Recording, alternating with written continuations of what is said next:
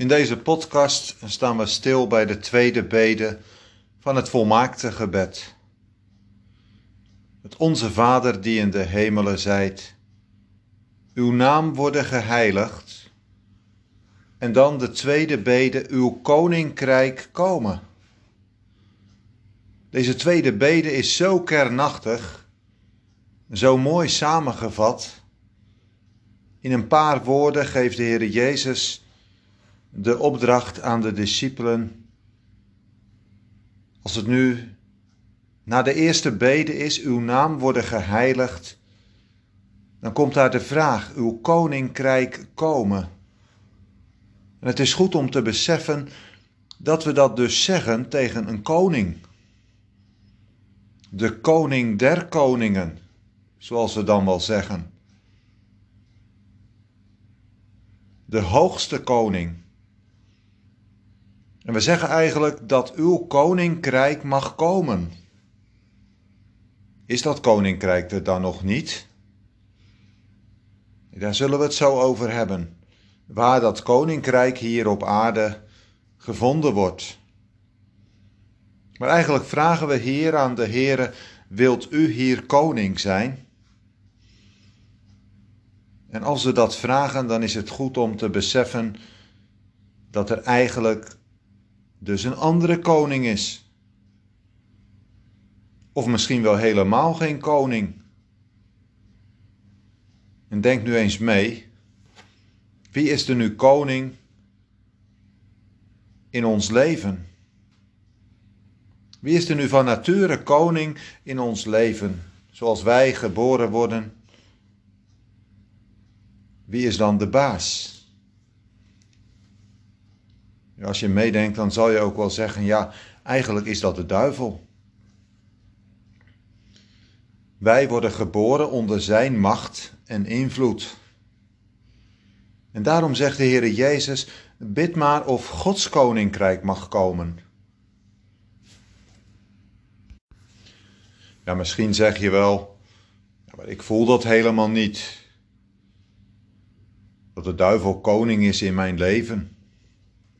Oh, dat kan. Maar dan toch goed om de vraag te stellen: maar wie is er dan wel koning in jouw leven? Ben je dat misschien zelf? Want dat kan natuurlijk ook, hè?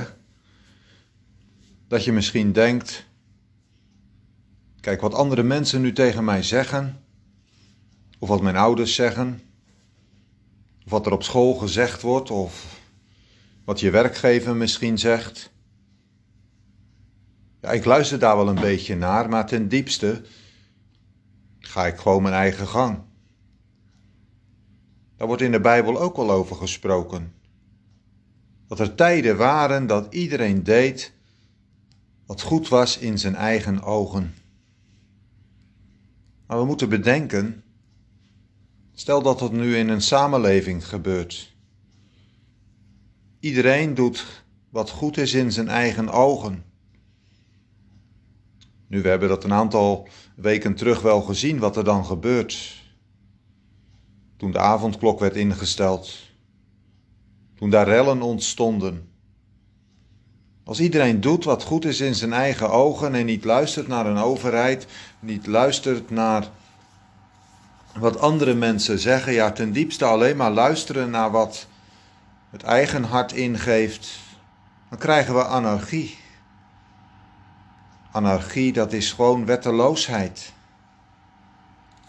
Bandeloosheid. Maar zo, zo komt de mens niet tot zijn doel.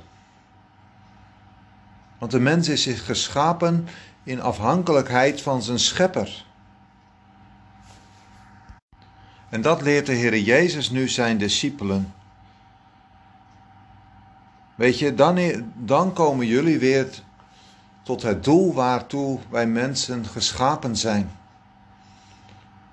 In afhankelijkheid te leven van zijn schepper. En daarom, discipelen, vraag maar, uw koninkrijk komen. En als we dan even door kijken naar wat de Heidelbergse catechismus daarvan zegt, Wat betekent dat nu eigenlijk, uw koninkrijk komen? Dan zegt de catechisme het zo heel mooi: regeer ons door uw woord en geest. Dat wij ons hoe langer en meer aan u onderwerpen. Regeer ons door uw woord en geest. Regeer ons door uw wetten. En die wetten van de Heere, die zijn heilig en goed. En de catechisme zegt, eigenlijk staat er nog meer. Bewaar en vermeerder uw kerk. Dus in uw koninkrijk komen bidden we eigenlijk om twee zaken. Regeer mij door uw woord en geest en bewaar en vermeerder uw kerk. Laten we eerst eens even kijken naar dat eerste, regeer mij door uw woord en geest. Dus in de eerste plaats bidden we of God het voor het zeggen krijgt in ons leven, in jouw leven. Maar dat willen we nu juist van nature niet. En de vraag zou dan ook kunnen oprijzen, maar hoe moet het dan gebeuren?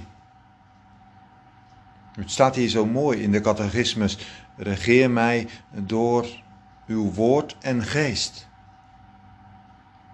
Bid om die rijke werking van God de Heilige Geest.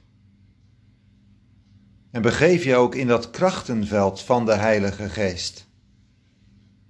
En nu zegt er misschien iemand van, nu wat bedoel je daar nu mee? Het krachtenveld van de Heilige Geest. Nou, dan bedoel ik dat je daar moet zijn waar de Heilige Geest werkt. Maar de Heilige Geest werkt toch overal, ja. De Heilige Geest kan overal werken op deze aarde. Er zijn wel voorbeelden van dat mensen van het voetbalveld naar de kerk werden geleid door een bijzonder werk van de Heilige Geest. Maar wij, wij die bekend zijn met het woord, hebben de opdracht om ons te begeven in dat krachtenveld van de Heilige Geest. En dat is wel in het bijzonder waar dat woord open gaat. En dan weten jullie wel, dat is in de kerk. Daar wordt het woord geopend. Daar is de, in het bijzonder wel de werkplaats van de Heilige Geest. Maar ook als je je Bijbel opent. Als je misschien op je kamer bent en daar leest en bidt. Ja, lezen moet altijd gepaard gaan met het gebed. Het gebed om de werking van de Heilige Geest. Dan begeef je je in het krachtenveld van de Heilige Geest. Dus kom op de plaatsen waar gesproken wordt uit dat woord. De kerkdienst, de catechisatie, of deze podcast. Of in de godsdienstles op school. En wat gebeurt er dan als die Heilige Geest werkt in je leven? Nu dan zegt de catechismus opdat ik mij hoe langer en meer aan u onderwerpen. Dat is een hele mooie uitspraak. Als een koning een land binnentrekt wat hij heeft ingenomen, dan is dat land niet direct totaal onder zijn heerschappij. Dan zal hij langzamerhand dat land meer en meer gaan regeren. En zo is het nu ook in een mensenleven. Als de Heilige Geest in het hart werkt, dan wordt het geloof geplant. Dan ontstaat die twee mens. Die oude mens die er van nature altijd al was. En die nieuwe mens. En die oude mens, Die geeft het zomaar niet op in het leven. Nee, er komt een strijd tussen die oude en die nieuwe mens. En de bekering is een afsterving van de oude mens en een opstanding van de nieuwe mens. Hoe langer, hoe meer. Dat is een proces. Dat is in een leven een strijd. En dan kan het zo zijn dat het ene moment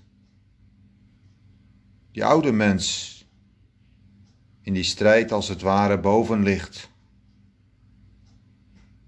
Maar door het krachtige werk van de Heilige Geest mag ook die nieuwe mens meer en meer opstaan, boven liggen, gaan overwinnen. Een bijzonder werk door de Heilige Geest in mensenharten. En dat was het eerste. De eerste zaak van uw koninkrijk komen, regeer mij alzo door uw woord en geest. Het tweede is, bewaar en vermeerder uw kerk. En dan moeten we bedenken dat het gaat over die kerk met een hoofdletter.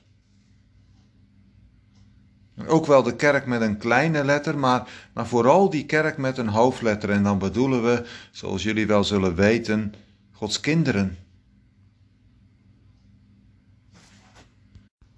Want dat koninkrijk van God, dat is vaak niet zichtbaar. En dat zien we bijvoorbeeld bij de Heer Jezus. Als Pilatus hem de vraag stelt: Bent u, zijt gij, de koning der Joden? Dan geeft de Heer Jezus een heel mooi antwoord. Want wat zegt hij dan? Mijn koninkrijk is niet van deze wereld, want anders zouden mijn dienaren gestreden hebben. Nee, dat koninkrijk is vaak zo onzichtbaar voor de wereld. Ja, onzichtbaar voor de wereld, voor de mensen om ons heen, omdat het gestalte krijgt, omdat het gebouwd wordt in de harten van mensen. Maar de duivel ziet dat koninkrijk wel. De duivel weet precies waar de Heere in het hart werkt. En daarom ook de bede daar ook direct bij, wat de catechismus ook uitlegt, bewaar uw kerk. Heere, verstoor de werken van de duivel. Verstoor zijn aanslagen tegen uw kinderen maar ook tegen het woord. Hoe listig ook bedacht. En welke aanvallen de duivel ook richt op het woord of op Gods kinderen, ze liggen vast in de doorboorde middelaarshanden van de Heer Jezus Christus. Wil je daar een mooi stukje over lezen? Dan kan ik je aanraden om Johannes 17 te lezen. Johannes 17, daar staat boven het hoge priesterlijke gebed. Gebeden door de Heer Jezus, zo vlak voor zijn lijden en sterven, heel toepasselijk in deze tijd. En dan zegt hij bijvoorbeeld in Johannes 17, vers 15: Ik bid niet dat gij hen, dan gaat het over Gods kinderen, uit de wereld wegneemt, maar dat gij hen bewaart van de boze. Of in vers 20. Ik bid niet alleen voor deze, maar ook voor degenen die door hun woord in mij geloven zullen. Vermeerder uw kerk. Moet je eens over nadenken. Hier bidt de Heer Jezus voor hen die door hun woord, dus door de, het woord van de mensen, in mij geloven zullen. Ja, dat werk gaat door. Totdat. Totdat, zegt de catechismus, de volkomenheid van uw rijk zal komen. En wat is nu de volkomenheid van dat koninkrijk? De volkomenheid is daar waar u alles zal zijn in allen. En het is een hele diepe zin, daar moet je eens over nadenken. Waar u alles zal zijn in allen. Waar God dus alles zal zijn. In allen, allen die daarbij zijn. Dan zijn wij koning af. Dan is hij koning geworden. Totdat. Goed om te bedenken, het zal niet altijd zo blijven zoals wij hier nu leven. De wereldweeën gaan over de wereld. Maar ook dan, totdat. Ook het coronavirus zal niet altijd blijven. Ook als nu de besmettingen weer oplopen. Totdat. Ja, totdat. Tot wanneer dan? Totdat alle knie van iedereen zich voor deze koning zal buigen. Ook jouw knie. En dan, dan zal het einde zijn. En dan zal alle knie zich voor hem buigen. Ook zij die hier in deze wereld niets van hem wilden weten. Zoals de Bijbel zegt, die hem doorstoken hebben die zullen toch moeten buigen, omdat niemand het van deze koning zal kunnen winnen. Maar voor Gods volk breekt de heerlijkheid aan. Hij zal alles zijn in allen. Zal jij er ook bij zijn? Want zijn naam moet eeuwig de eer ontvangen. Tot zover deze podcast.